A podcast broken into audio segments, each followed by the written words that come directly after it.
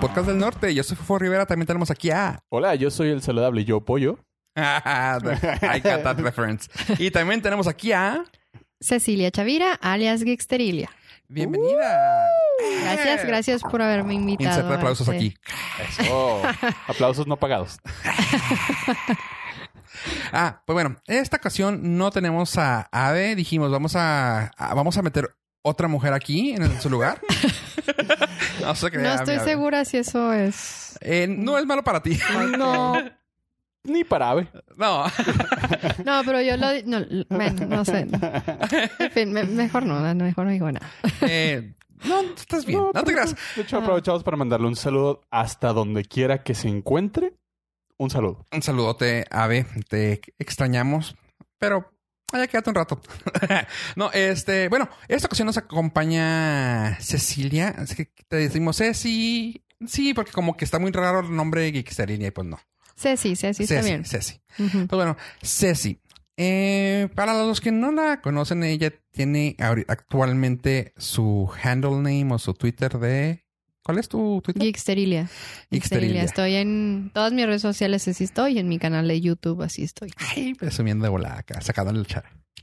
Bueno, Pues, es que hay, oye, que hay que pues, compartir que tenemos una celebridad. Una celebridad youtubera, juarense. Youtubera juarense. con Bueno, eso nosotros. es entre comillas, ¿verdad? Pero bueno, que te- háganme la buena, Gracias, pues. háganme la buena, pues, sí, sí. De, la- de las que pavimentó el camino del entretenimiento Ah, ya. y, cre- y creadores de contenido juarense. Juarense. Está, está. Ah, bueno, está bien, sí.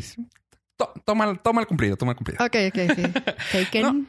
O sea, aquí Ancla no cuenta porque Claro. Ni Vane. Eh, saludos a Vane. Eh, Hugo, ¿cómo estás?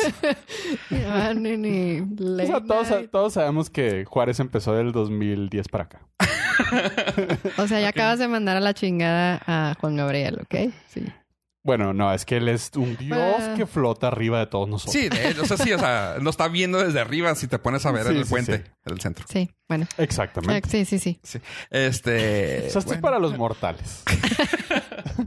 Ah, All right, sí. Bueno, no, pues eh, aquí Ceci, ella, eh, recuerdo que la empecé a seguir. Vamos a sacar aquí el baúl de los recuerdos.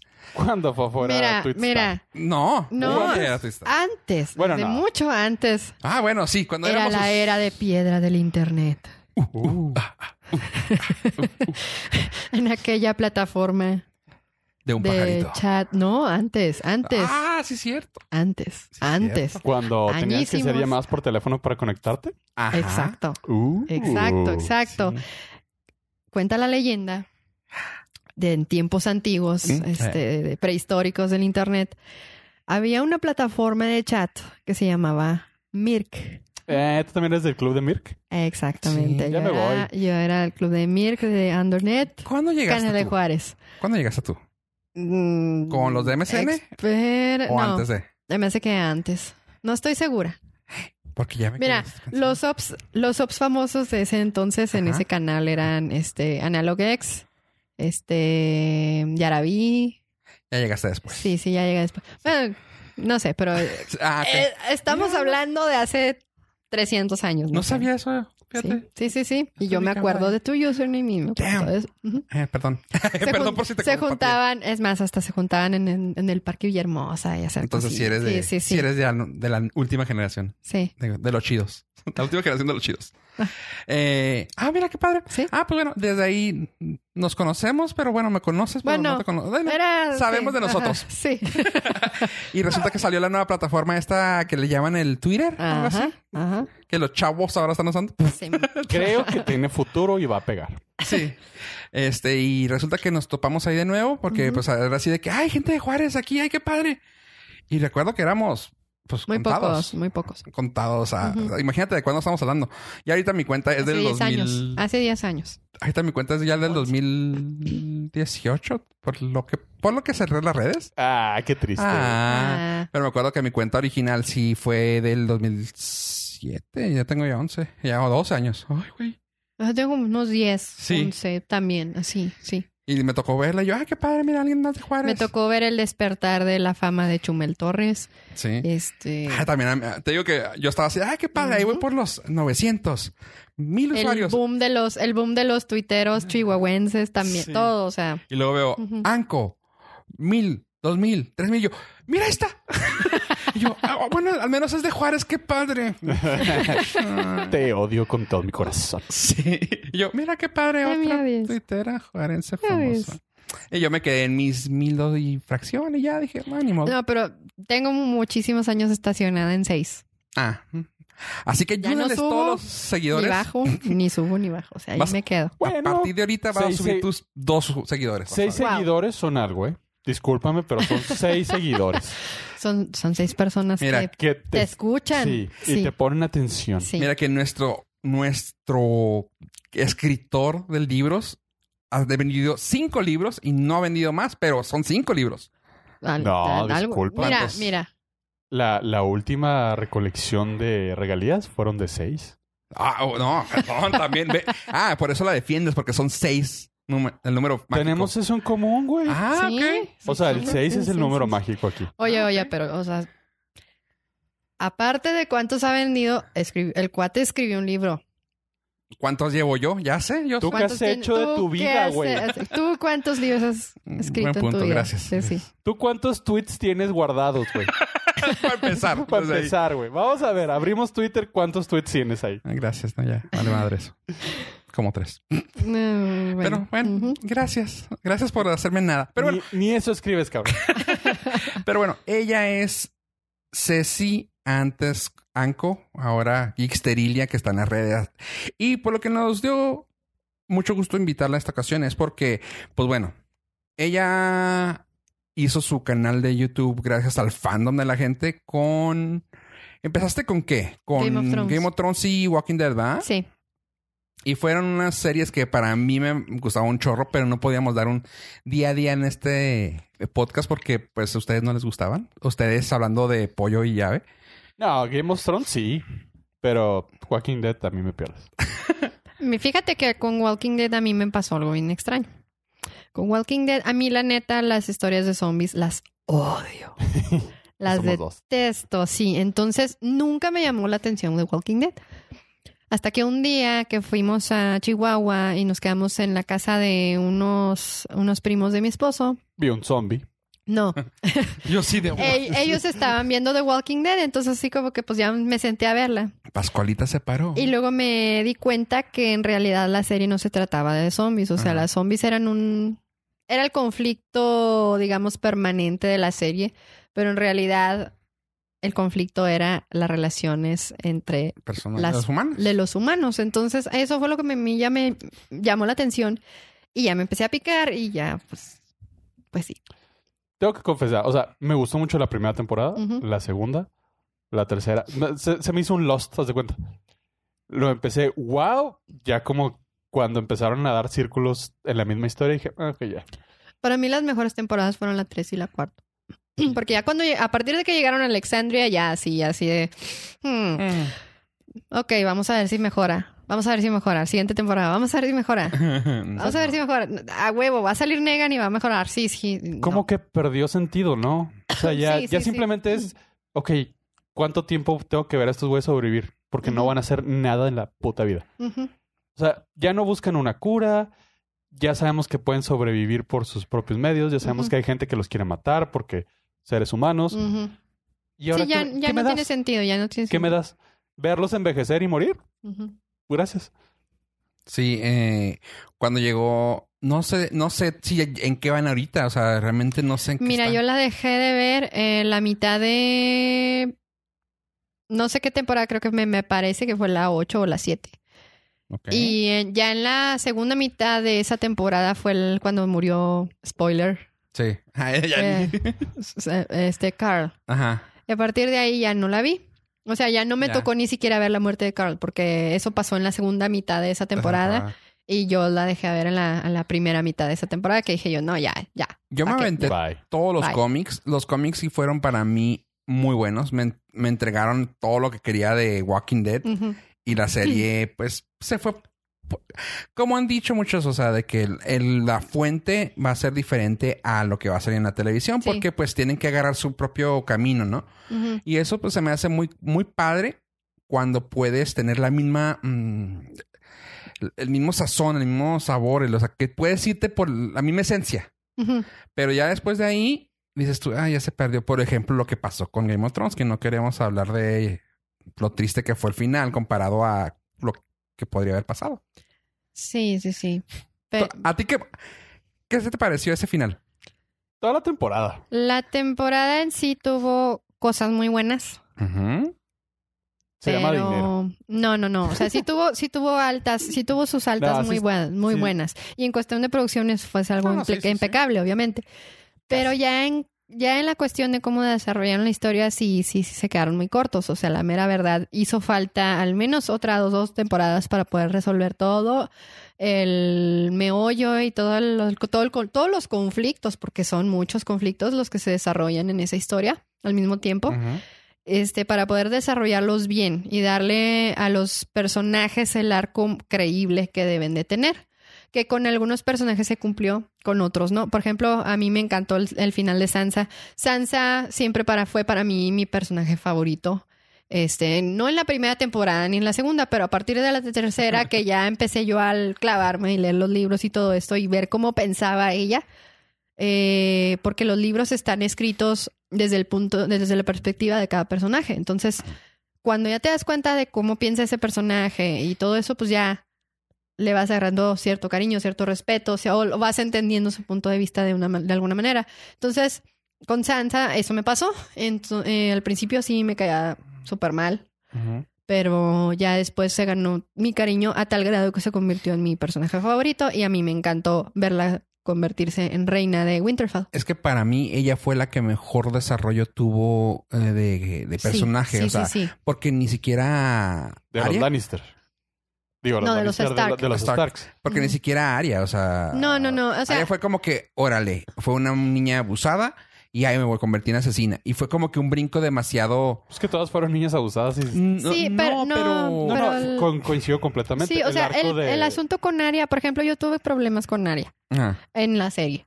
Eh, o sea, mm, por ejemplo, todo el, todo lo que pasó cuando se fue a, a, a Bravos Ujú. En su entrenamiento ninja acá de, de Faceless Man. Eh, o sea, digamos que lo llevaron de una manera muy floja. Floja, pero al mismo tiempo acelerada. Como que no te Sí. mostraba qué Y estaba aparte, haciendo. pero lo que, lo que así de plano me, me tronó el cacahuate cuando fue cuando regresó a Winterfell, que empezó a tener conflictos con Sansa, que la empezó a cuestionar y todo eso. No sé, tuve muchos problemas con eso, porque... Bueno, porque tú ya traías a tu home girl. No, no, no tanto por eso, Tiro cantado sino... entre las dos. No tanto por eso, sino porque no era creíble. O sea, los dos personajes de niñas no se llevaban bien. O sea, y en eso estamos de acuerdo. O sea, en eso, en es- eso fue evidente desde la primera temporada. Pero en el momento en el que Arya llegó a Winterfell y empezó, comenzó a cuestionar todas las acciones de Sansa y, y hasta amenazarla de muerte, Sí. sí. se me hizo así de No, muy jalado y no de acuerdo al arco. O sea, como que Aria fue de niña chida, niña cool, A hater. niña así, este, badass, y luego de repente niña psicópata, y luego de repente ya era muy buena en la última temporada, como que no, o sea, no. no. Sí, por eso, o sea, es a lo que yo iba, que es lo que digo apoyo, eh, bueno, no apoyo a ustedes de que, Y ni hablemos como de que pasó de. ¿de quién? Y ni hablemos de Daenerys. Ah, no. O sea, Daenerys sí desde el día uno. O sea, si te pones a poner... Si realmente le pones atención a toda la serie, incluso los libros, desde el día uno te das cuenta que Daenerys no está bien de la cabeza. O sea, por muchas cosas. Y lo ves a lo largo de todas las temporadas, de todos los... O sea, todo este... No sé cómo llamarlo en español, perdón. Pero... Aquí se entitlement. pochea, ¿eh? Entitlement. Durísimo. Todo el entitlement de, ah, no, es que el trono a huevo tiene que ser mío. Todo eso, o sea, sí, sí sabías que iba a llegar ahí, a lo que hizo en la última temporada. Sí sabías que iba a Sí. llegar a eso. Sí, sí, sí, Sí, iba a tronar. Sí, Ajá. iban muchas, eran muchas las señales y todo, pero aún así, haz de cuenta que pasó de un 8 a un 13. Sí, o sea, sí, sí, ni sí. siquiera a un 10, ¿sabes cómo? Sí, se brincó los números, se fue a. Ajá, o sea, de repente le tronó el... Sí. La tacha. ah, le tronó la tacha y ya se volvió loca. Entonces, no, o sea, en mi Para mí, la- el desarrollo de la última temporada mm, tuve el problema con ella. O sea, ella fue mi problema de la última temporada. Todos los demás, como que alcanzas a ver y dices tú, bueno, o sea, está bien. No, yo, mi mayor problema fue con John. Yo tengo problemas con todos, así que ahorita, ahorita les explico, No, pero... mi mayor problema fue Jon Snow. Porque toda la pinky serie te fueron así como que haciendo el build-up de este güey es el elegido, este güey es el príncipe prometido, este güey es el hijo de Lyanna Ujú. y, y Rhaegar Targaryen. Y fue un pushover. Y así como que, ah, Simón, ya, ya nos revelaron que sí, sí era cierta nuestra teoría de miles de años. Y luego de repente, ah, no valió para nada. Sí, Eso fue muy no valió para ni madre. O sea, Eso fue entonces muy así como que fue, mm, sí, o sea, fue muy frustrante de ver. Y la muerte de la morra esta, ¿cómo se llamaba? La, la mala. Cersei. De Cersei. Cersei, ah, La muerte es también esa. O sea, bueno, es que realmente, insisto, toda la última temporada para mí fue así de, neta, por esto, o sea, bien apresurada. el build-up que tú dices, o sea, fue el que dices tú, güey, qué chingón, qué chingón, qué chingón, qué chingón. Y la última temporada fue así de, órale, o sea, algo va a ¿Sabes pasar bien cabrón. O sea, ¿Sabes qué fue? O sea, estos güeyes ya iban a hacer Star Wars. sí, ya, ya, Entonces, ya lo que- platicamos. Y así como que, ah, va, de- vamos a dejarle poner atención a este pedo para concentrarnos acá. Y luego el último, ah, ¿saben que Ya no vamos a hacer Star Wars.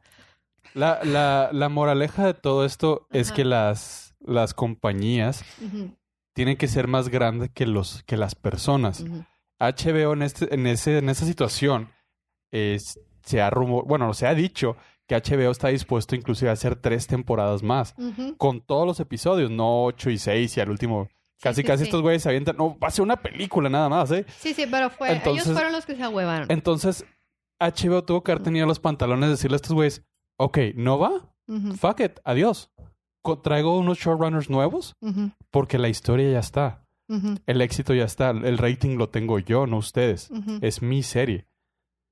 Pero no, Mm. quisieron respetar demasiado a estos güeyes que a la vez dijeron, ah, Sí. este, ¿sabes qué? Este, se me está acabando el tiempo, cuarto para la hora y ya me tengo que ir. Sí, pero sí te voy a decir una cosa, o sea, algo que sí con lo que yo no estuve mucho de acuerdo con el fandom en general fue el trato que les dieron a ellos dos en particular hacia el- ya el último. O sea, porque así ¿De de, hate o de...? de hate, Ajá. sí, porque así de, no, no, son unos pésimos escritores y todo, y sí, pues no, no van a estar a la altura de George R. R. Martin, nunca, ni en, Bueno, eso millón- es ni en culpa un millón de años. Esa es culpa del escritor por no haber hecho material. Exacto, exacto, sí, pero, o sea, Gracias a ellos tenemos esto. Pero gracias a ellos llegó la serie y las primeras temporadas fueron hechas excelentemente. Entonces, a mí se me, sí me parece bien injusto que reciban un trato de, ah, estos vatos se echaron a perder la serie. No, no la echaron a perder. ¿No? No, simplemente se quedaron sin material y ya no pudieron estar a la altura. ¿No? Pero ellos hicieron todo lo posible por entregar una buena historia. O sea, de no, de no hacer nada interesante antes de eso. O sea, Ay. vamos a decirlo así, o sea, Yo sí difiero un poquito de tu punto. No justifico el fandom, porque los fandom tóxicos, no importa qué franquicias sean, destruyen completamente todos los proyectos. Pero sí creo que fue culpa de estos güeyes de... Y ellos mismos lo han dicho, ¿eh? Fue un golpe de suerte lo que les salió. Sí, Porque sí. no tenían ni la menor idea de lo que estaban haciendo y les iba saliendo y les iba saliendo muy bien. Claro, porque tenías el material escrito, la historia escrita, tenías todo construido. La verdad, yo creo que fue un momento que tuvieron que haber tenido un poquito más de... ah, visión, ¿no? no, de cuando que tú mismo replantees tu- tus capacidades y decir, no podemos seguir. Nosotros dos no podemos hacer esta historia, hay que traer gente que no la haga. Sí, en ese sentido sí, pero de que hicieron un buen jale, a grosso modo, o sea, nos trajeron una serie Sí, sí. increíble. Entonces, O sea, no por un, no por el error de la última temporada vas a juzgarlos a ellos que no hicieron un buen trabajo, porque Exacto. también hicieron ¿cuántas temporadas fueron? ocho. O, o sea, hicieron siete temporadas que quedaron muy cabronas, que por eso mismo estamos están enojados. o sea, es que es, son víctimas de su propio. Éxito. éxito. O sea, Éxito, sí. hicieron tan buen trabajo en siete temporadas que la última Las esperabas lo mismo. expectativas, o sea, las expectativas también estaban bien, Sí. bien. Pero está- estaban muy altas porque ellos mismos Ajá. eh, el- Ajá. alar- ellos, ellos alargaron el final. Ellos pusieron la No, vara. y cuando te dijeron, ok, Game of Thrones cada año, cada año, cada año, y lo, no, para la última temporada necesitamos un año más. Ah, Ajá. ok, nos vamos a aguantar. Un año no va a haber Game of Thrones, no hay bronca, entréganos todo bien. Yo le llamo el final, es, una serie tántrica, porque al final hubo un coitus interrumpido. Esa es mi definición de, de Game of Thrones. O sea, todo el build-up estuvo así, el, el foreplay, el mamaceo así a punto. Y ya cuando ibas a explotar, así como que, no, ya estuvo. Todo frustrado. Este, bueno, la experiencia estuvo padre, gracias. Eh, tres de cuatro estrellitas en, en, En Yelp. en Yelp. Porque no me lo terminé de comer. Ah, me gusta tu forma de explicar. Ese, ese sería al final mi, mi postura. Sí, era- o sea, era poniéndolo en términos más, más acá. este, Táctiles. más- es como si hubieras ido a un restaurante de cortes de carne y te hubieran dado el mejor ribeye que te estuvieras comiendo en tu vida y luego no, no te lo dejaran terminar. Ajá. Algo así. Sí, ¿no? Sí, sí, exactamente. Ah, también eso está padre.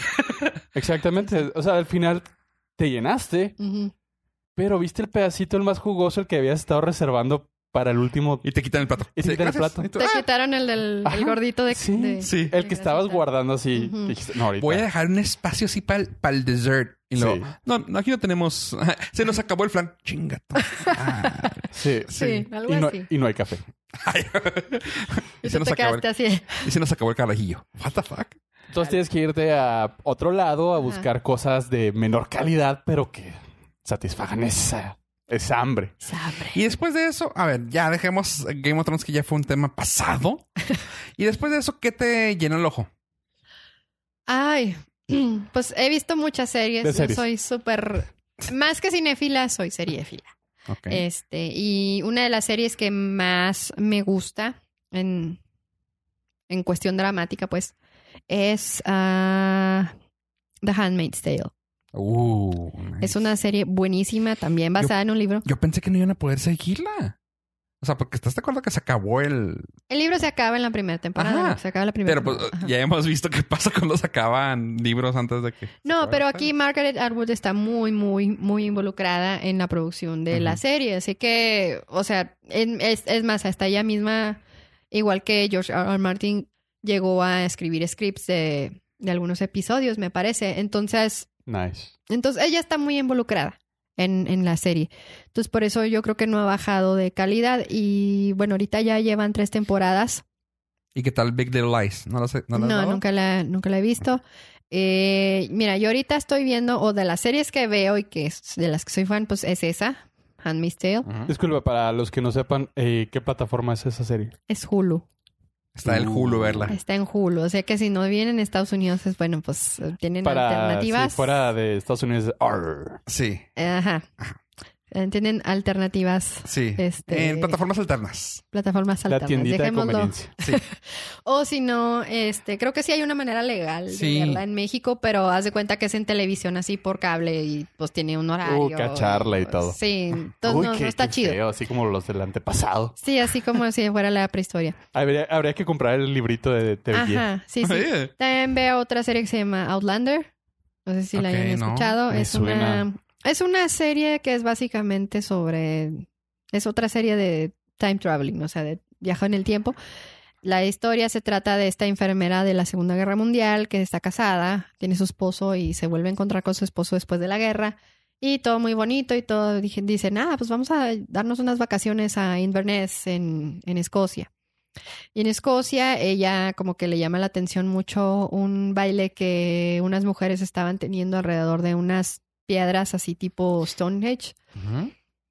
Y este, en la mañana siguiente va a visitar el lugar y por accidente toca una de las piedras y de repente aparece en 1700. Uh. O sea, aparece 200 años antes. Nice. Entonces, pues tiene muchos choques, este, obviamente culturales, porque está en una, está en la Escocia que está preseparatista, pre- antes de la guerra de, de los, ¿cómo se llama?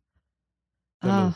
los, eh, 1700. Sí, eh, eh, una, de las, una de las guerras separatistas de, de De los Britania. escoceses, ajá, de los escoceses que se querían separar de, de, de Inglaterra. Oye, y es Del Reino la Unido. serie, ¿verdad? Sí, sí, ya tiene como tres, cuatro temporadas más o menos, me parece. 2014. Entonces ahí conoce a este clan de, de escoceses, en el que pues obviamente tienen sus líderes y le va de la fregada con algunas ciertas cosas, porque pues ella ya viene de una época más moderna, en donde aunque todavía hay machismo, pues no está tan, tan canijo como en aquella época. Y luego aparte, como es enfermera, la agarran porque les cura algunos de los heridos de su, Nice. de eso, pero como demuestra tener un conocimiento avanzado, pues, ah, pues es una bruja, ¿no? Naturalmente. Ajá, pero esencialmente es una historia de amor porque eventualmente para la sobrevivencia tanto de ella como de como para la de otro de los miembros del clan la casan con uno de estos, este, eh, con este escocés altísimo, pelirrojo, súper guapo, acá mamado. Al Eh, sí, mamado. Ajá. pues sí, güey. Si vas a estar ahí, puedes elegir, pues agarra el mamado. Ajá. Entonces la casan con él y ya, o sea, la historia de amor entre ellos es- se vuelve bien intensa y pues ella obviamente está conflictuada porque tenía un esposo. Y no hay condones. Oh. Eh, sí, eh, Ah, muchas ¿verdad? cosas. Bueno, pero era enfermera, así que tenía conocimientos. Conocimiento. Sí, fue, fue por una Entonces, cabra. Fue por un chingo de cabros. Sí, sacarle la tripa. entonces, pues había muchas... eh, eh, De, básicamente se trata del conflicto de ella y del... De eso tenemos que hablar con, con Zafiro para que nos pueda explicar de condones. En aquel entonces, capaz de que ella sí sabe. Así que Pues que hay que lo, saber. lo dejamos en... Le ponemos un pin. Una tripa, una aguja, un hilo. No sé dónde va cada cosa, pero No deja- sé. lo quiero yo no- Zafiro. prefiero no saber, pero después le preguntamos a, a Zafiro. Marisol. Este, um, bueno, está esa serie y luego también, obviamente, pues Doctor Who, está este Doctor Who. Doctor Who. Pero antes de que continúes con Dark... La última temporada. Yay or nay. No la he visto, la quiero ver. La verdad me esperé para binguacharla. Mira, yo sí tuve problemas en el momento en el que la volvieron, volvieron Mujer. al personaje mujer. No por el hecho de que, ay, o sea, Ah, no, no, no. quieren, quieren este. A, a pesar de que siempre jugaron en cada regeneración de que podría ser mujer. Sí, o sea, más bien fue Pero no el hecho de que. Pero, ajá, exactamente. O sea, peligro que lo hagan pelirrojo, Rojo. porque ahí ya se acabó la serie. Sí. no, pero no, no fue tanto porque, ah, sí, o sea, quieren hacer esto a huevo y la madre, sino más bien porque, mm, digamos que hay tan pocos, este, digamos que role models masculinos. Eh, todavía tengo. Eh, hay muy pocos role models masculinos que no resuelven sus problemas a base de violencia, digamos. Role models positivos. Role models positivos, o sea, no, no tiene, el, este vato no tiene super fuerza, Sí, no, no, usa armas. no es violenta, no usa armas, va con, totalmente en contra de su, de su manera de pensar y de su modo. Y digamos que su manera de resolver los problemas es únicamente a través de su ingenio y a través de su empatía.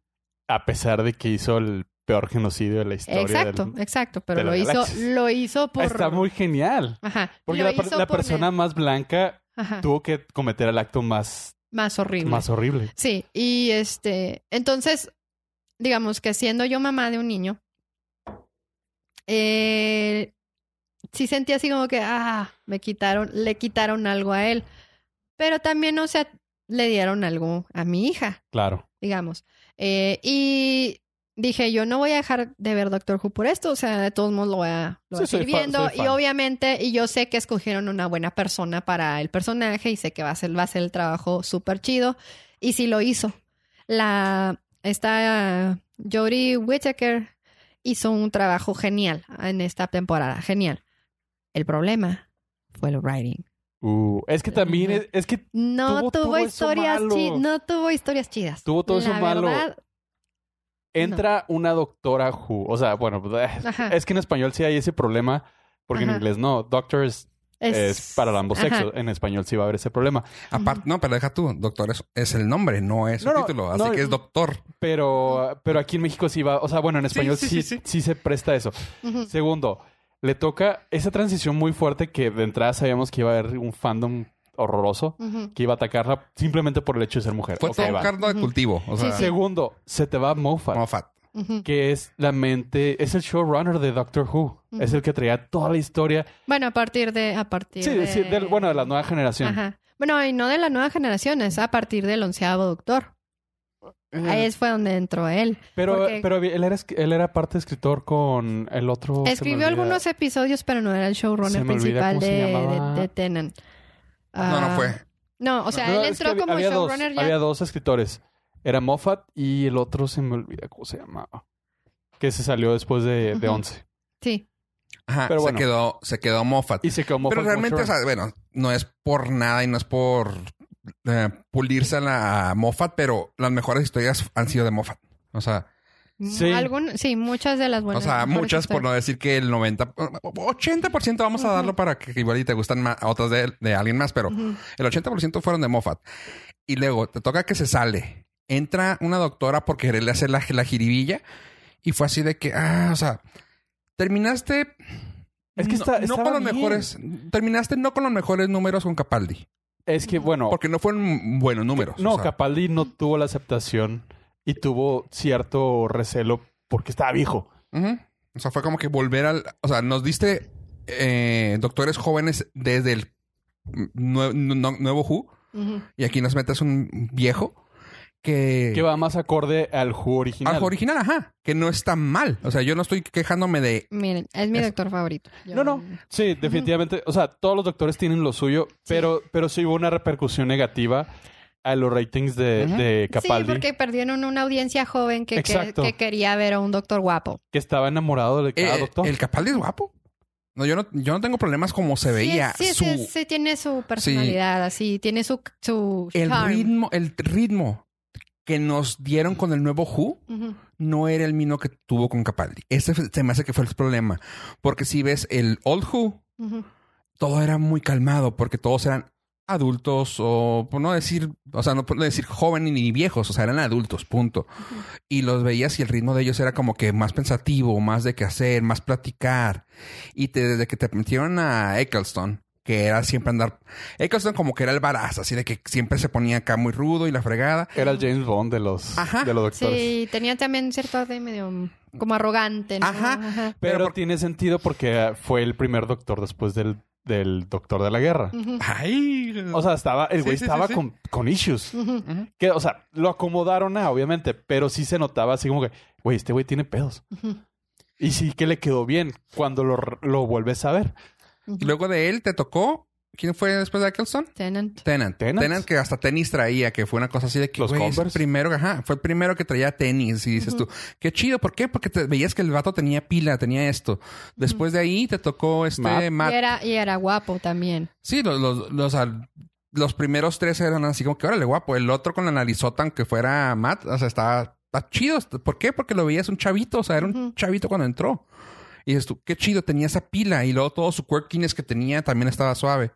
Después de ahí, de Matt, ¿quién fue? Ya fue capaz. Ya fue Capaldi. Que fue así como que, oye, güey, me presentaste tres doctores con una pila bien fregona a la nueva generación y llegó un viejito que me lo pones muy lento, que igual, y regresas a las mismas raíces de lo que era Doctor Who. Y esto, qué chido. Pero como que, ah, y de ahí dijeron, ah, vamos a cambiarle el giro, vamos a meter una mujer. Y fue así, de, Creo que también tiene mucho que ver que... el, el ambiente político, ¿no? No, inconscientemente todos los que veíamos Yo no Doctor tengo, Who... mira, yo no tengo problemas con eso del ambiente político o de, que- Pero ¿no o sientes de que querer hacer las cosas por representación. No tengo tanto problema con eso. Más bien mi problema era como lo que yo, lo que yo les estaba comentando, sin- de que hay muy pocos eh, roles modelo este masculinos que no se basan en la violencia. Ajá. Entonces, ah, para mí era como que importante eh, eso. Una representación Ajá, así. algo. Ajá, para. Positiva. Creo que al final, una de las cosas que más afectó con Capaldi, quieras que no, la mayoría de las personas que veía a los doctores sabía que, aunque no pasara nada, había una posibilidad de una relación romántica entre sus companions. Ujú. Y cuando ponen a Capaldi con. Con Jenna Coleman. Con Jenna Coleman, hace como. No, güey, sí está muy vieja. O sea, está, está muy viejo para ella. O ella está muy joven para él. Entonces Sí. ya había un choque así de que. Güey, a lo, a lo mejor si no hubiera estado ella, a lo mejor la gente Si lo hubiera tomado un puesto poquito con más. Donna, por ejemplo. Ajá, hubiera, hubiera- hubiera tenido más. Bueno, pero es que yo, bueno, yo la- a mí la verdad, las, los, mis compañeros favoritas, eh, bueno, mi compañera favorita fue Donna, eh, que para nada tenía un interés romántico en el doctor. Era su compa, era su igual hasta cierto punto, Sí, o sea, sí, y terminó siendo su igual, de hecho. Ah, y realmente me, yo disfrutaba más esas historias que en las que hubo un interés romántico. Por ejemplo, No me digas que no lloraste con Rose. no, la verdad no. No, Rose no es mi favorita, la verdad. Prefiero, de hecho, prefería un poco más a Marta que a Rose. Bueno, es que Marta está Es sumamente. que Marta era una, Marta, Marta está muy, muy. Sí, era, era, un, era un gran companion también. No, y, y está muy infravalorada para mi gusto cañón. también. Sí, sí, sí. Porque ella hizo cosas muy, muy significativas y muy importantes para la historia y para el doctor. Y también fue un golpecito, ahí sí fue un golpecito político y de representación de decir, a ver, ya tuvimos una güera, aquí va una persona de color Ajá, y tiene el mismo papel, ¿eh? Y tiene la misma importancia ajá. y acéptenlo. Sí. Y lo hizo muy bien. Y lo hizo súper bien. Fue una mu- excelente, excelente companion. No es de mis favoritas precisamente por el asunto del interés romántico que tenía así platónico con el doctor y que el doctor nunca la peló porque todavía no podía olvidar a Rose.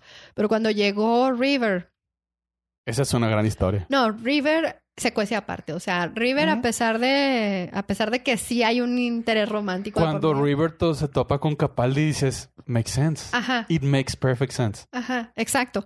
Y ahorita mencioné que Capaldi es mi doctor favorito. Spoilers. Pero, o sea, yo creo que yo no, yo no tuve ese shock. Este. de- Probablemente no. Porque, precisamente porque él fue mi primer doctor. Ujú. O sea, yo empecé a ver la serie cuando empezó Capaldi, la primera temporada que estuvo él.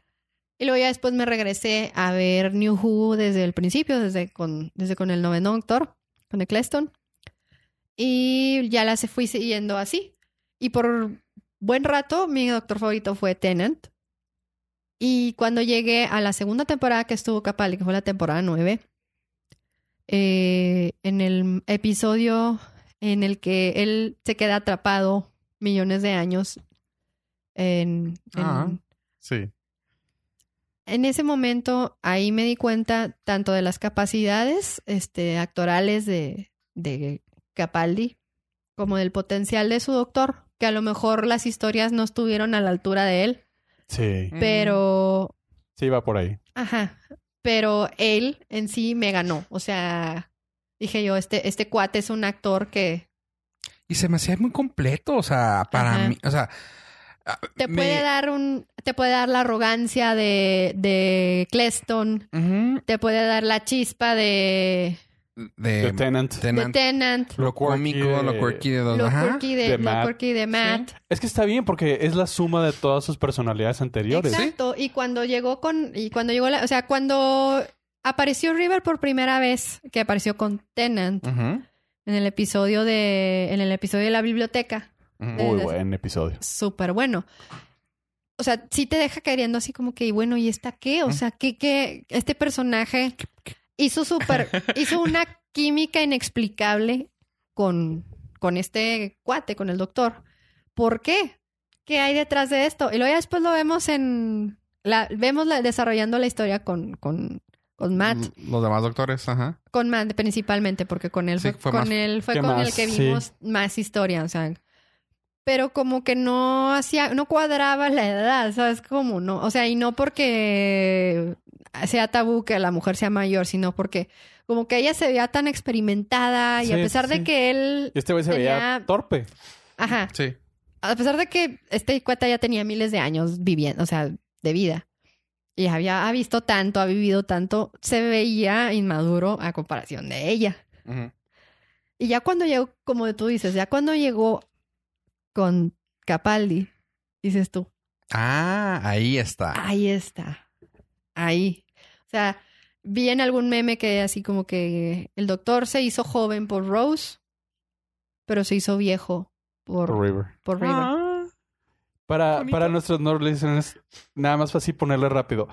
La historia de River está bien interesante porque el personaje de ella, cuando la conocemos, es el final de su historia. Mm. Y conforme va avanzando la, la- la historia de la serie, se, se cruzan y se invierten los papeles. Es el final del, del doctor, pero es el principio de River. Entonces está súper, súper difícil porque cuando la, la vemos que Capaldi la ve, sabemos que es el principio de River, pero es el final de él con su relación. Ya cumplió un ciclo completo. No, y va a ser el final de ella también. O sea, cuan- los años que vive con Capaldi ya son los últimos años de su vida. Sí. Porque ya de ahí va a la biblioteca, conoce al 10, Conoce a 10 y se queda atrapada Ya. para siempre. ya se quedó atrapada para siempre.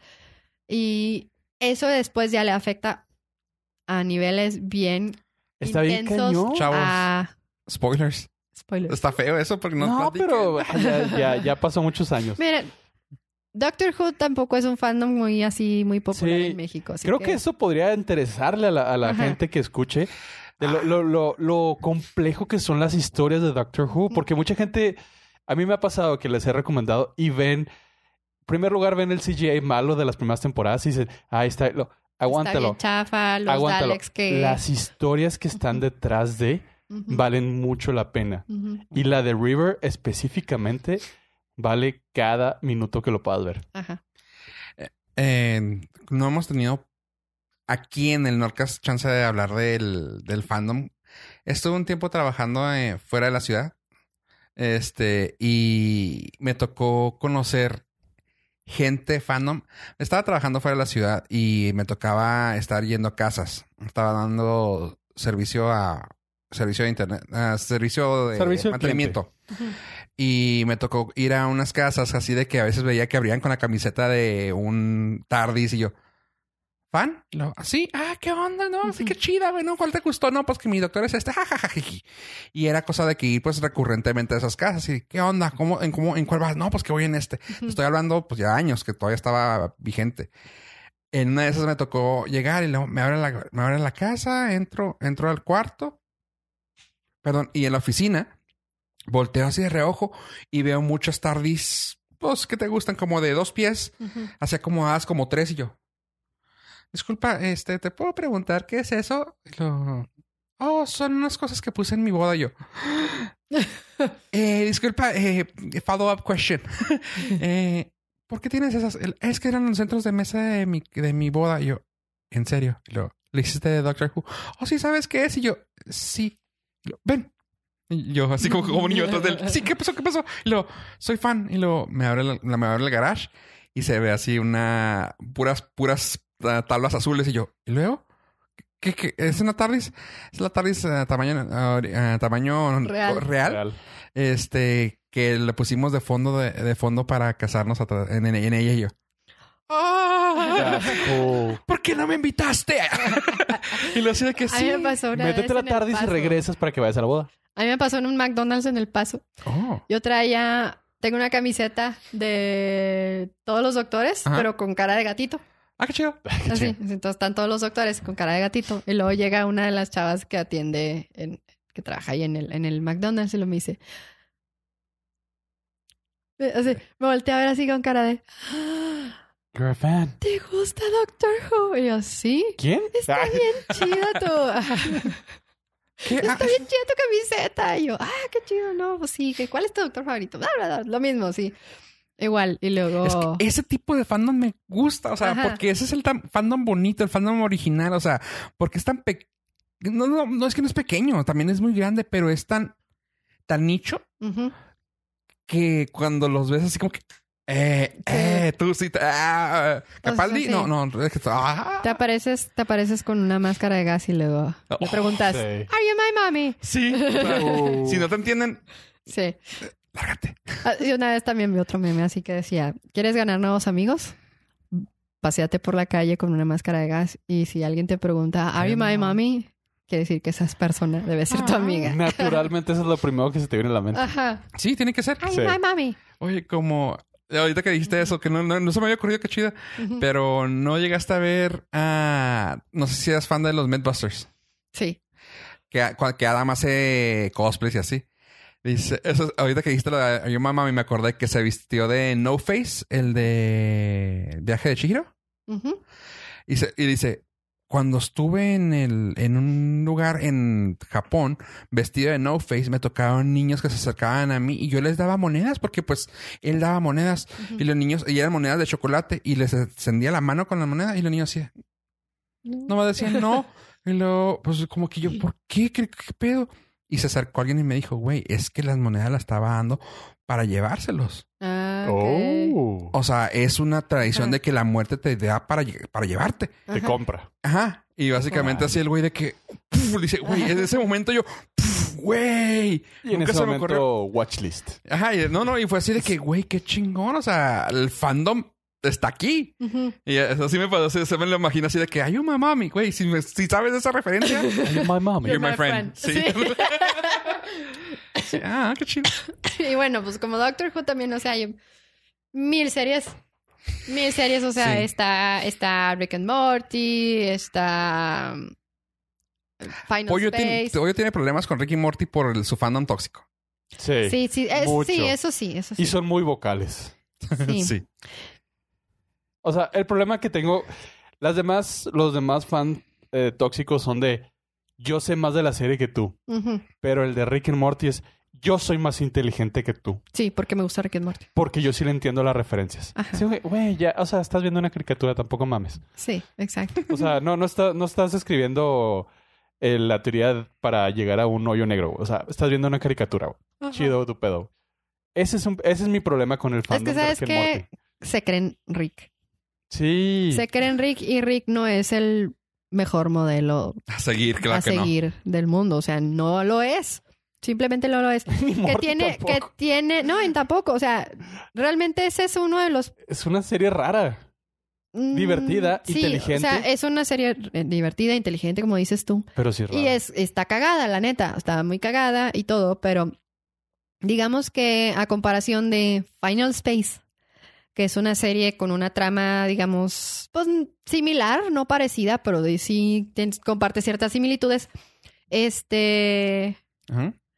ah, la diferencia entre, digamos que ambas series es que Final Space sí tiene personajes que realmente, con los que realmente te puedes encariñar. O sea, Mm. que sí hay, o sea, sí tienen sus, tienen sus bemoles igual que en Rick and Morty. ¿Dónde podemos ver esa serie? Netflix. Netflix. Netflix. Ah, Sí. órale. Está en Netflix. Están dos temporadas, porque apenas llevan dos temporadas. Oh. Es una serie producida por eh, el canal de televisión de Conan O'Brien, TBS. TBS. Este, y pues. Tengo que preguntar para que suene así como que, oh, qué padre. Dile a nuestros escuchas de dónde lo podemos ver. Pero realmente me, me gustó. Eh, empecé a verlo, tú lo recomendaste en la otra vez en el chat creativo de, del, del Norcast. Sí. Y me clavé, o sea, que dije, a ver, vamos a ver. Y alcancé a ver que era Fred Armisen, uno de los de las voces, que también sale Conan.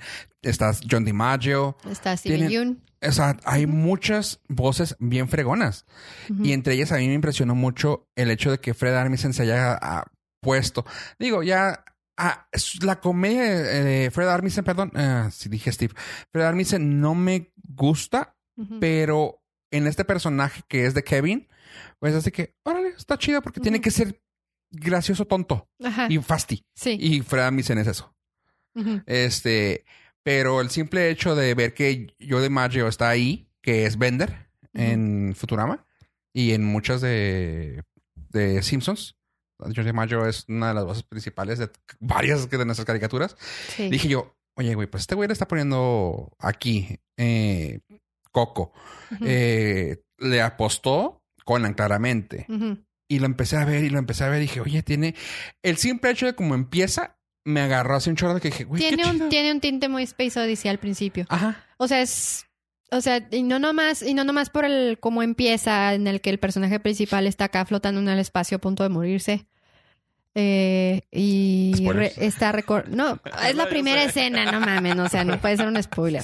Eh, está así como que recordando y como que contando su historia. Y luego ya te regresas a cómo, cómo empezó todo su viaje, digamos. O sea, todos son flashback. No es un flashback. O sí sino tiene más- futuro después de más, pa- No, o sea, es más que yo vi, bien... eso- yo vi esos minutitos. Sí. Entonces me quedé con la duda. No, no, bueno. O sea, Spoiler. esa Vela. primera es con...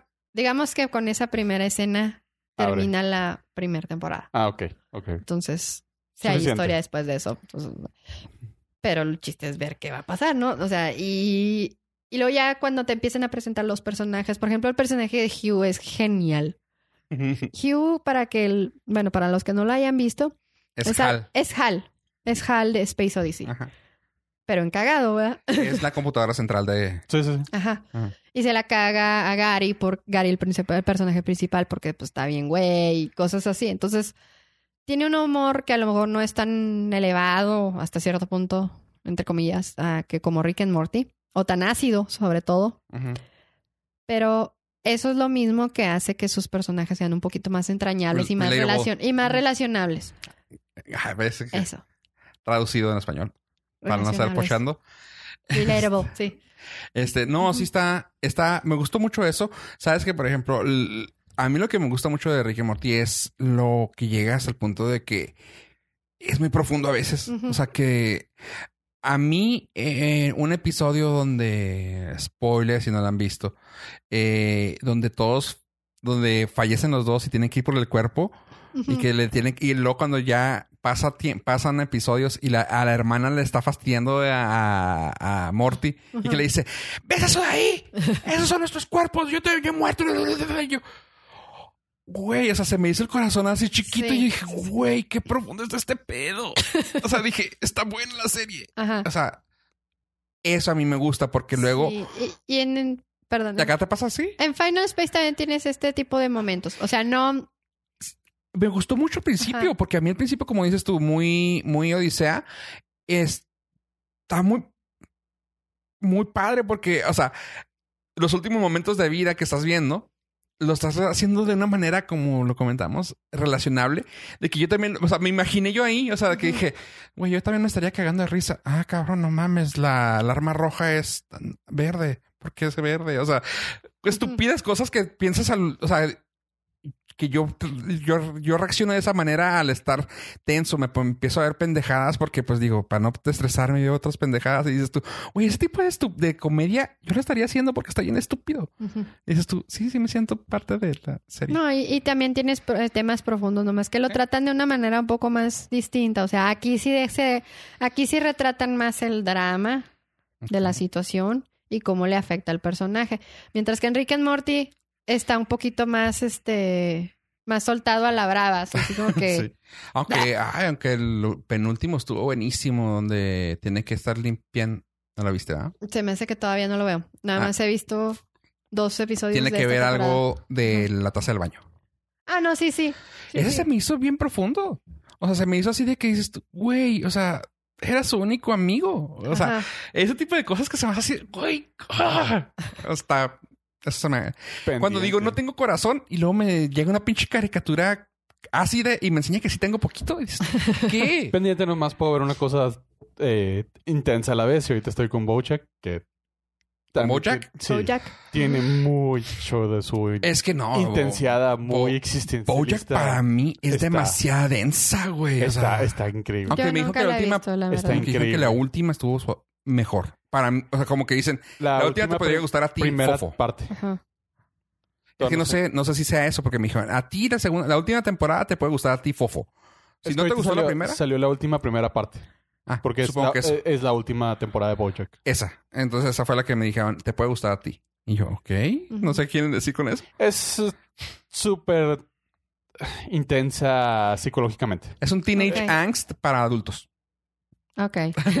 Y eh, está. Está muy bien aterrizada con debates filosóficos. Ok. Vistos desde el un caballo alcohólico. que era, que era, A todos nos pasa. sí, Sí, sí, que era, que era estrella de, de televisión en los ochentas. A todos nos pasa. Entonces, Sí, sí, sí. o sea, es un caballo que ya está acabado, Ajá.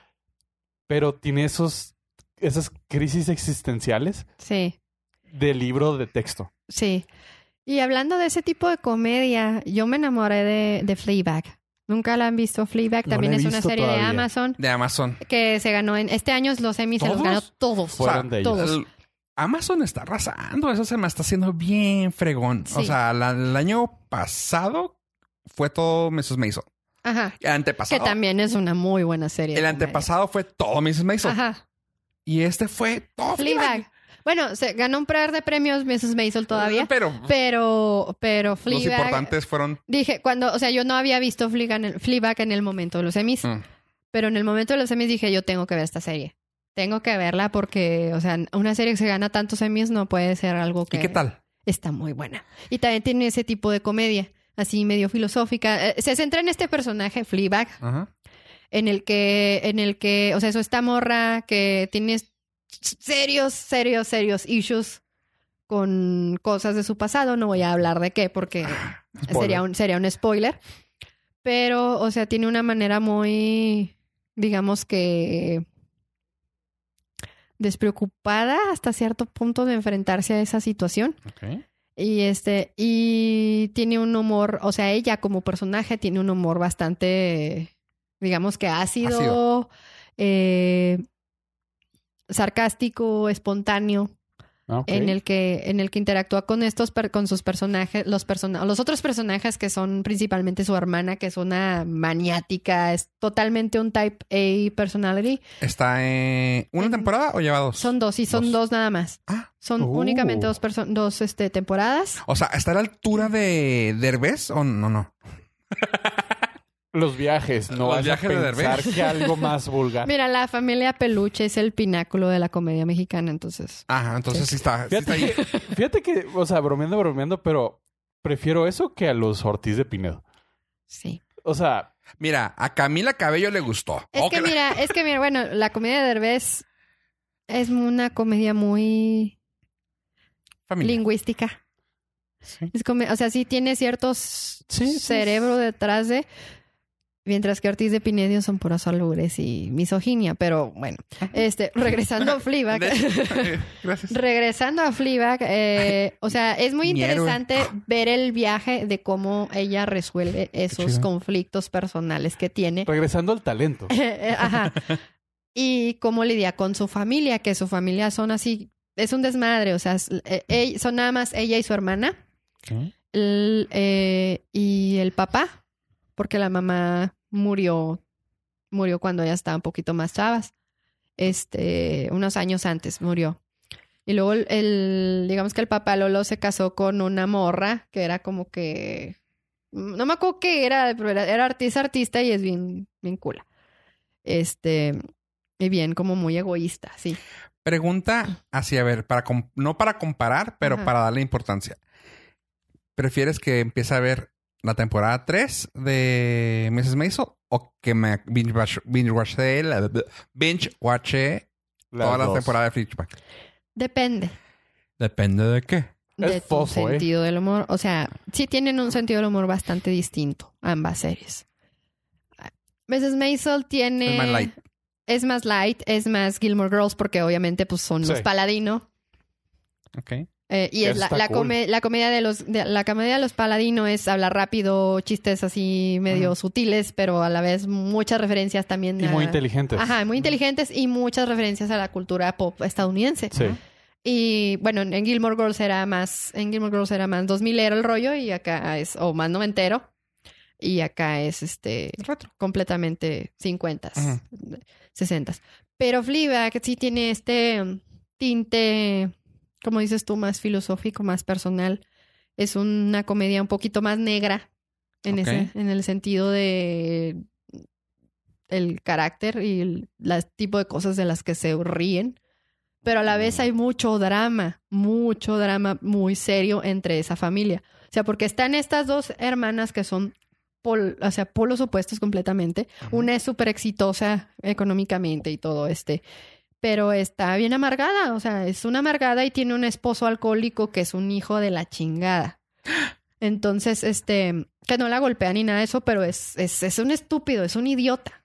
Vato tóxico. Es un vato súper tóxico, que es este... Para que no digas chingada. Ajá, sí. No, no. Ah, Para aportar algo. Ah. ¿Por qué no hablas? no, o sea, el, y el, el actor No me acuerdo el nombre, pero es también sale en Stranger Things. Es el, es el reportero que descubre todas las. Eh, es él, es Ujú. súper buen actor. Y este, y pues ya, o sea, se, se centra mucho en el conflicto entre ellos y en el conflicto de ella. Y algo interesante, un detalle interesante de esta serie es que el personaje principal siempre rompe la cuarta pared. Eso me gusta. Eso está chido. padre porque, o sea, está, o sea, estaba viviendo, digamos que estoy platicando yo contigo y tú me estás diciendo algo que a mí se me hace piratón o lo que sea y luego yo me volteo a la cámara. Está diciendo verdad. Ah, qué chido. Ahora va a ser este pedo. Sí, Lo- te, lo te hace. involucra como Ajá. Televidente. O sea, es como, es como si ella te estuviera contando Sí, donde historia a ti. tu historia, Ajá. la historia Ah, a ti. Entonces está, está, eso está muy padre. Y está, está muy, está muy Me gusta que esté contenida en dos, en dos En temporadas. dos temporadas, sí. Eso me Eh, gusta justo de las series. Iba a decir eso, pero dije, capaz de que se oye feo. Porque iba, iba a decir, no que se tome a mal, pero me gusta que sean dos temporadas y ya. Sí. O sea, ¿por qué? Porque pues, a mí, con mi ansiedad de tengo que ver todo, me da el, me da el gusto de, ah, ok, ya no, no tengo un- De un prisa. closure, de un cierre. Sí, no Ajá. tengo prisa, ya está, ya la puedo aventar cuando quiera, nadie me la va a spoilear, por así decirlo, Ujú, porque ya está terminada, ya, valió madre, o sea, ya. ujú, Si ya sé que sí se va a terminar, me dices que te- se murió el güey, no hay pedo porque ya pasó. Así que, eh, ah, me gusta. Oye, qué padre, que bueno, me gustó cómo me la vendiste. Yo estaba con cara de... A mí me gustan porque por lo general son historias que se tienen que contar y ya. Ajá. Y no es de, ah, no inventes, nos pegó bien chingón, vamos a meterle 10 temporadas más. Y ves cómo se empiezan a diluir Nun- las historias. Nunca pasa eso. Nunca ha pasado eso. y ves cómo se empiezan a diluir las historias y sí. cómo se va perdiendo la calidad. No, no, y, o sea, es una comedia súper, súper. Pues no me gustaría decir inteligente, porque. Porque luego va a llegar gente que va a decir, ¿eso consideras inteligente? Ajá. sí, más bien, o sea, es una comedia bien pensada, digamos. Clever. Clever, sí, y el. O Porque sea, pochos. Exacto. Lo siento, o sea, es el Norcas. o sea, nació con Sí, el... sí. O sea, ve el nombre del Sí, podcast. nació con el nombre del North Ajá. sin H. O- oye, pues bueno. Ajá. Nomás para un- recomendar una animación que empecé a ver antes de hablar del Mandalorian. eh, empecé a ver la animación de Harley Quinn. Eh, Harley Quinn, los que no sepan, es el personaje villanesco, compa, novia de novia del Guasón. Ya lo había comentado en la vez pasada, ahorita van en el segundo episodio y realmente sigo pensando, está muy, muy, muy recomendable. Eh, las voces son muy buenas, entre pues la principal es Kaylee Coco, que Ujú. Pollo es fans. Dile Pollo. Se acercó al micro para nomás pensarlo. Aprecio su trabajo. Ah, ok. Ok. Las fo- Esas fotos, digo, sí. Este, Aprecio su trabajo. ah, Mm, como actriz. Como ser humano. Ah, perfecto. vale. No, eh, para que, por si tienen chance de verlo, a ver si te gusta. El, está muy heavy, está, me gusta que es una caricatura tipo R. La animación, a ver si te gusta a ti como eh, que tienes ese gusto por lo visual. Ah, tiene, si te acuerdas de la animación de Batman, la, serie original de animada de los noventas, Ujú. La Batman cara cuadrada, sí. tiene ese tipo, o sea, tiene ese tipo con la nueva la- tipo de animación y está así como que te hace medio ruido, como que es de antes o es de ahora, pero está chida. Así que no puedo dejar de, de venderse a la gente, así que si tienen chance, vean. Ok. Ahora sí, vamos a entrarle al Mangalo- Mangolorian. Mangalorian. El Mangolorian. Mangolorian. Mandalorian. Trademark Norcast. Mangalorian. sí existe. Mandalorian. el Mandalorian. Mandalorian. Trademark Geeksirelli. Dice, ching, ya no la ganó. Chin, ya Demonios. madre. Cancela las playeras, por favor. Ah, fir- sí firmo, ¿no? Para estar aquí con nosotros. Ah, Eh, ya sí, fregamos. sí, sí. Se acaba de estrenar cuando grabamos este episodio el quinto episodio, el quinto episodio de la Ajá. serie. Y eso me da sentimientos encontrados porque ya nomás restan tres. y se acaba la Yo, temporada. yo- yo solo he visto ¿Dos? dos o dos, dos episodios y no, no he tenido chance de ver los otros que tengo. No po- no vamos a spoilear no vamos nada. a spoilear nada porque pero- Darth Vader se muere. ¿Pollo? Darth Vader es el papá de Luke Skywalker, ¿lo puedes creer? No. Y... Lo que más me impresiona es que la, la reina de, de Naboo es la mamá de Luke Wow. Skywalker. No, no, no lo vi venir. Sí. Aunque tengo que confesar, sufrió un, un revés su carrera política y de reina pasó a senadora. ¿Por qué? I don't know. Porque pues hay que comer. Sí. Ganan bueno, más de senador, la güey. ¿eh? princesa Leia pasó de princesa a general. So, Ah, creo que ese es un upgrade. sí. Pero Bueno. bueno. Sí, Sí y no. Porque José Royal. O sea, económico no es un upgrade, Sí, no. pero en cuestión de respeto sí. Porque ya era general. General Gunn. Uy, esta me da cosa. Pero bueno, eh, volvemos a tocar el tema del Mangolorian. Eh, definitivamente es el, el western de samuráis más interesante Espaciales. de- es- Samuráis espaciales, samu- por samuráis favor. espaciales Sí. desde el La, episodio la 4. música, la música me encanta que tiene este, este tinte Sí. está- eh, Ennio Morriconesco, sí, súper chido. Me, me encanta. Es que O sea, está... podrías meter fácilmente una canción de, él ahí, o sea, Ajá.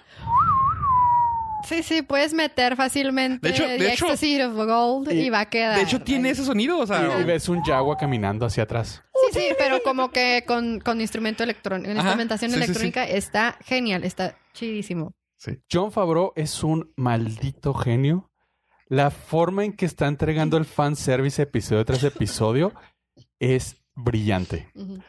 Todo lo que pensó Ryan Johnson que podía hacer en el episodio 8, a la mierda. Ajá. John Favreau dice, quítate, esto se hace de esta forma. Sutil, elegante, lo cachaste, chingón, no lo cachaste, no te pasa nada. güey, yo no soy tan fan de la saga, pero el simple hecho, y ahí discúlpenme este pinche spoiler, pero me vale que aquí no es spoiler porque es visual, pero no tiene nada que ver con la historia. Pero el simple hecho de cuando están sentados en ese lugar donde Han shot first, Sí, la cantina de Mos Eisley. Chingado. Güey, pues ahí, ahí lo mató. Sí, me lo tenía que decirlo, no quería decirlo, pero, güey, o sea, porque yo acabo de ver esa escena porque lo platicamos aquí y que ya lo hicieron re- remasterizado por cuarta ocasión ahora para la plataforma de ¿O Disney. quinta? No sé. ¿Quién sabe? Este, lo acabo de ver la escena y vi cuadro por cuadro de lo que había porque pues claramente quise ver quién, es- era, di- quién disparaba primero y que volteé a ver la Está pared. editada esa escena, ¿no? ¿Mande? Está editada esa escena, ¿no? Es que la han editado La, cinco veces. la edición de la edición de la edición de la edición está editada. Ajá. Eh, y una de ellas, o sea, cuando pasan que está el marciano, voltean y se ve una madre colgada, un adorno colgado en la pared atrás de él. Ujú. Es de que yo me acordé de la formita y todo, y luego los colores que estaban atrás de Han, que era una- un sillón como de piedra piel, no sé qué sería, pero tenía rayas de colores. Pinche John Favreau mamón les dijo a los güeyes, hagan como si hubiera sido ayer esa escena, güey. Y los, los ves así sentados y tú, güey, no seas mamón. Se sienta Mandalorian ahí en silla, en uno de los lados. No, o sea, no los quiero spoilear tan tanto, pero se sienta en uno de los lados y dije, güey, esa parte. Y lo, el otro güey nomás se pone así y hasta el movimiento que hace tú. Totalmente. ¡No eh, mames! tiene el, el episodio 5 sin, sin spoilers es una referencia, el- o sea, es una... No, no es una referencia, es un homenaje Tributo. al episodio 4 de Star Wars. Punto, así. Para mí, lo que más me gustó, me llamó, me hizo así el corazón. Déjame les comento, déjame les digo play by play. ¿Puedo traer los personas parados? Oh, sí. Y eso que estoy sentado. Ok. Ah, Tú no John, voltees. John Favreau hizo un homenaje a Top Gun. Y cuando lo vi dije, wow. O sea, este, este cabrón pudo hacer un homenaje a Top Gun con navecitas en el espacio. Dentro del universo de Star Wars. Solo ese cabrón pudo haberlo hecho. Y lo hizo increíble. Y Pollo se emocionó tanto que me dijo, güey, hizo un homenaje a Top Gun. Y yo, "Ah, ¿qué es homenaje? y ya nomás, no, pues es que hizo esto, estoy. Oh, fuck. Sí, es cierto. Sí, sí lo hizo Sí, sí, completamente. Sí. La, la gran, el gran acierto de, de ahorita del Mangolorian es que nos está hypeando para el episodio 9. Sí. Durísimo. Lo Lo, que, que no pudo hacer Disney durante dos años desde que salió de las Jedi, Ajá. John Favreau lo está haciendo. En cinco episodios. Y eso se lo agradezco de corazón. Porque el fandom tóxico de Star Wars estuvo muy cabrón después del episodio 8. Sí. Y la neta, o sea, yo vi Hans, la película de Solo.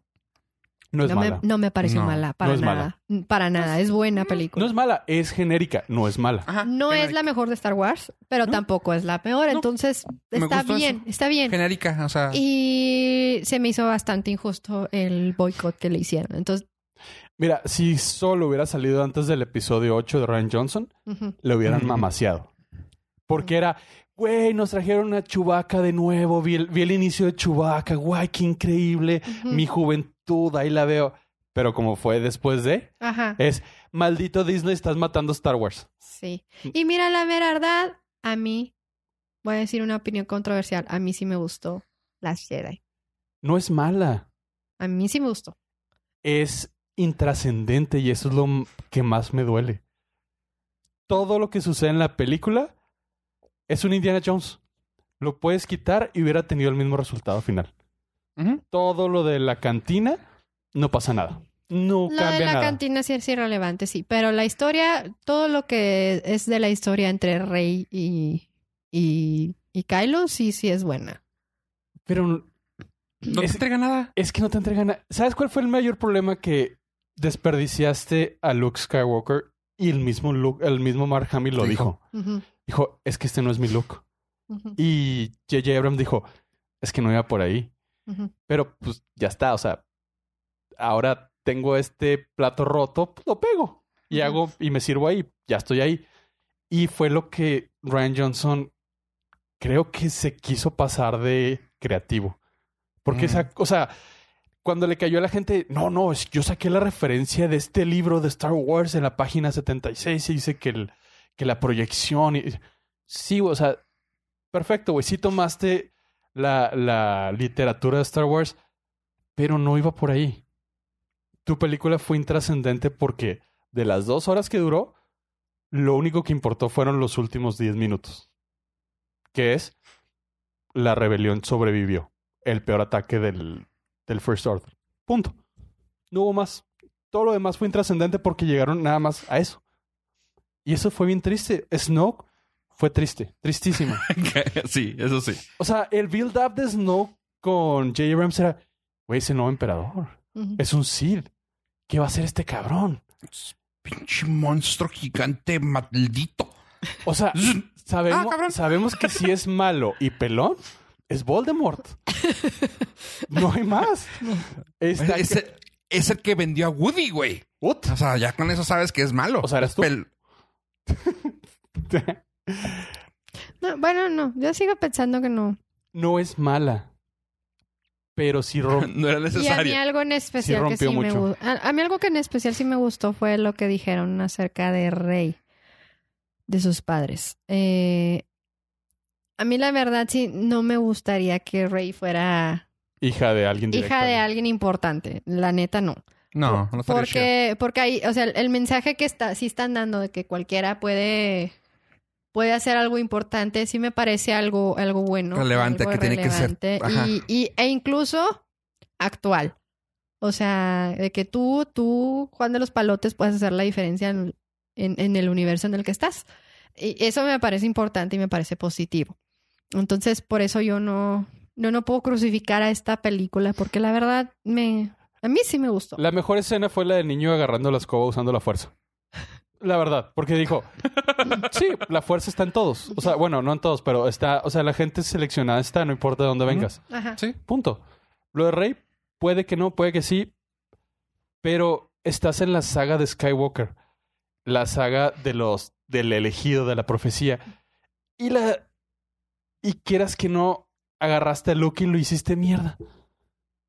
O sea, fue el build-up de, de 30 años del episodio 6 al episodio 7 y dices, güey, claro, es que Anakin fue el elegido, pero sus hijos y la repercusión... Está muerto. Ok. Este... Y las playeras que mandé a hacer con Luke nos va a salvar a todos. ¿Qué hago con ellas? No está mal. No está mal porque, o sea, a todos nos quedamos así que, oh, ya ha muerto. Ya no sé para dónde va este pedo. Pero creo que la forma de entregarlos sí hubiera estado, sí hubiera podido haber sido diferente. Y eso sí es culpa de Disney. porque J.J. Abrams iba a ser el encargado de la trilogía completa. Pero el güey les dijo, necesito tres años, no dos.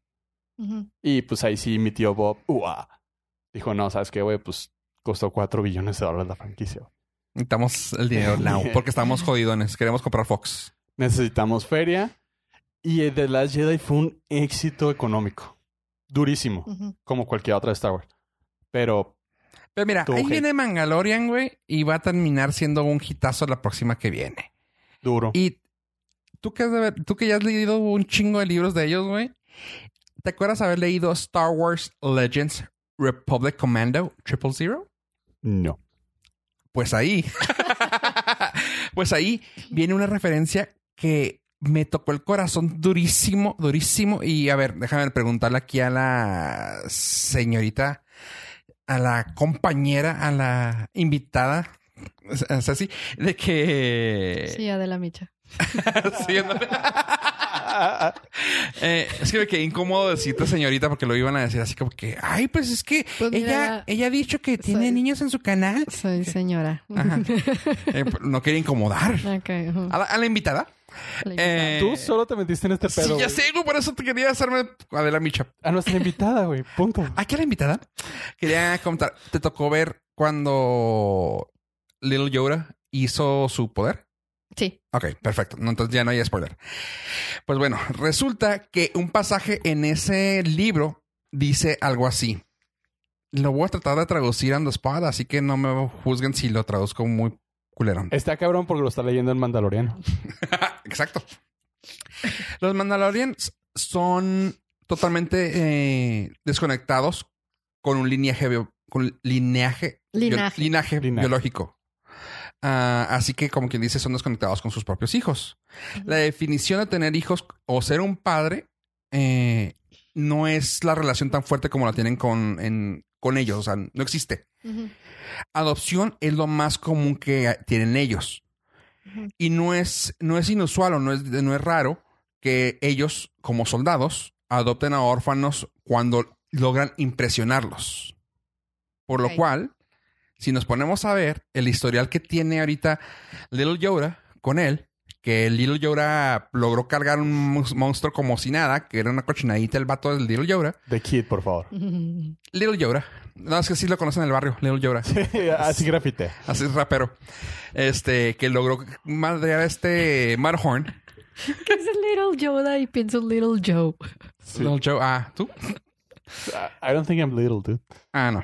Eh, es que sí, es que no sé si conozcas el Little Yoda. Déjame ver si lo puedo poner antes de que se haga más viejo el chiste. Pero bueno, la cosa es de que.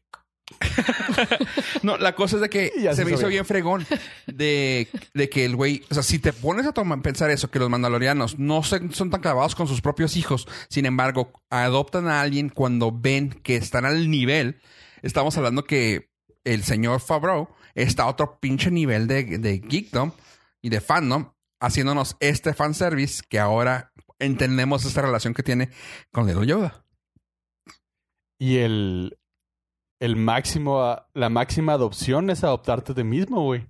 Ajá. Ah, sí, sí, sí, Cuando te adoptas a ti mismo, Jango Fett hizo un clon de sí mismo y lo adoptó y lo hizo su hijo con Boba Fett. Sí. Y es el mandaloriano por excelencia. Ujú. Entonces, Así que- makes sense. Está súper cabrón. Así que creo que hablamos de bastante fandom. Espero que la gente que nos haya escuchado se clave con alguna de las series. Y si sí, nos mande Twitter, DM, correo, audio, lo que sea. eh, WhatsApp. Estamos sí, güey, todas- pon tu teléfono. Sí, aquí- aquí mismo va a salir. Ajá. Eh, It can happen. uh, no, please don't. Que no te va a ir como Fernando Arreola. Ah, Es un chiste muy viejo de Twitter. en, o sea, ¿hizo una tontería así? Se le fue un DM al timeline normal con su teléfono y todo el mundo le empezó a llamar. No. Podemos replicar como un experimento científico. Hay mucha gente que se le For va al pack. science, güey. Pero bueno, eso Bueno, es se otro- le va entre comillas. Fue- no fue un, lo siento, no fue un accidente. Te Sí. mandé el mío, güey. pero eso no fue accidente. Ah, ya entendí. Ok, bueno, pues pollo. Pues antes que nada quiero darle las gracias a nuestra invitada. Muchísimas gracias por habernos acompañado hasta este momento. Gracias Adiós. por haberme invitado. Ah, ¿Algo que quieras ah, hacernos, hacer a la gente que sepa de ti? ¿Dónde te pueden encontrar? ¿O qué ¿Te podemos ayudar a que subas a siete seguidores? Ok, muy importante. Ah, ah, En un momento incómodo así de, ¿neta? ¿A esto vine? Güey, un seguidor más es un seguidor más. es un- discúlpame. sí, sí, sí, sí, Cada uno tiene un corazón. Un libro Mira, más vendido. Mira, yo, bien, eso, ahorita para, en estos momentos al menos, es para mí eso es irrelevante cuántos, cuántos seguidores este gane, si es uno, si es dos, si es- son cien, si son... Pero si vienen del norte, si mencionan este, este episodio, los van a mencionar en un próximo Geekstirelli.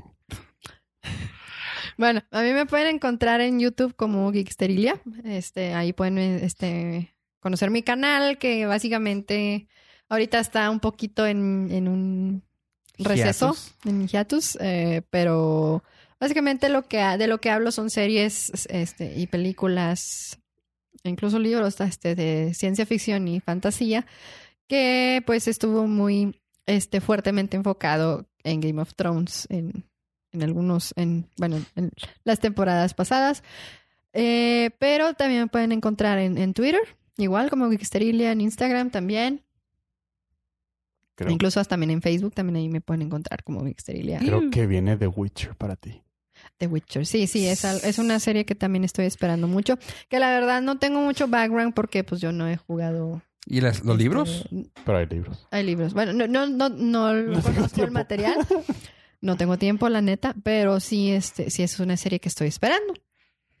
Las puertas están abiertas. Te esperamos también para que eh, sigas dándonos tus recomendaciones eh, fan de fandom. Porque si... De hecho, tengo una camiseta de fandom tuya, así que se me hizo bien chida. Sí, sí, sí. Tenemos. Ah, tenemos. Fuimos ¿Tú por y yo. también? Ese día fuimos los dos. Ah, bueno, es que Sí, de hecho su- subí, subí mi, mi... Voy a aprovechar la mención. Subí mi foto usando la playera y a partir de ahí me empezaste a seguir. Sí, ah, sí, Twitter. cierto. Sí.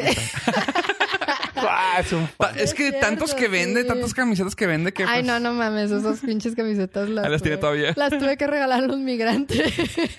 sí. Güey, publicidad es publicidad. Discúlpame. Publicidades- No, es- o sea, Los de Ecuador la siguen, güey. así, a Honduras. A Honduras. Es ¿no? mi, es mi hardcore fandom. No. no, o sea, no lo digo de manera despectiva, sino que yo las compré pensando venderlas y luego duró mucho tiempo. El problema es que me preguntaban por ellas. Pero nada más. cuando, no, me preguntaban por ellas y estaban bien animados a comprarla, pero el pedo era el shipping.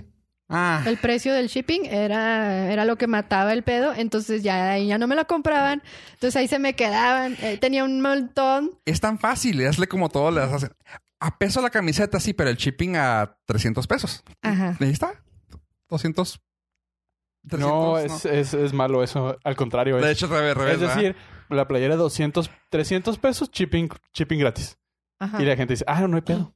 ¿Por qué no me estás robando, güey? Me lo estás... Yo tengo gratis el shipping. Sí, es cierto, se me durmió. Sí, sí, sí. Pero bueno, al fin, el, el caso es de que ahí se estaban quedando y en una de esas, me, en mi fase maricondo, ahí el- dije, bueno, voy a aprovechar este rollo, voy a aprovechar que hay muchos migrantes este, No, fue una buena- fue una desprotegidos- causa. ajá, Fue una hay muchos causa. migrantes desprotegidos que necesitan necesitan ropa, necesitan esto, entonces pues, A mí ya no me queda la camiseta, así que se las voy a donar. me fui a la casa del migrante y ahí las dejé, entonces, Ya, apoyo, ya te, Ujú. ya, te, ya te queda traer la camiseta. No, sí, sin problema.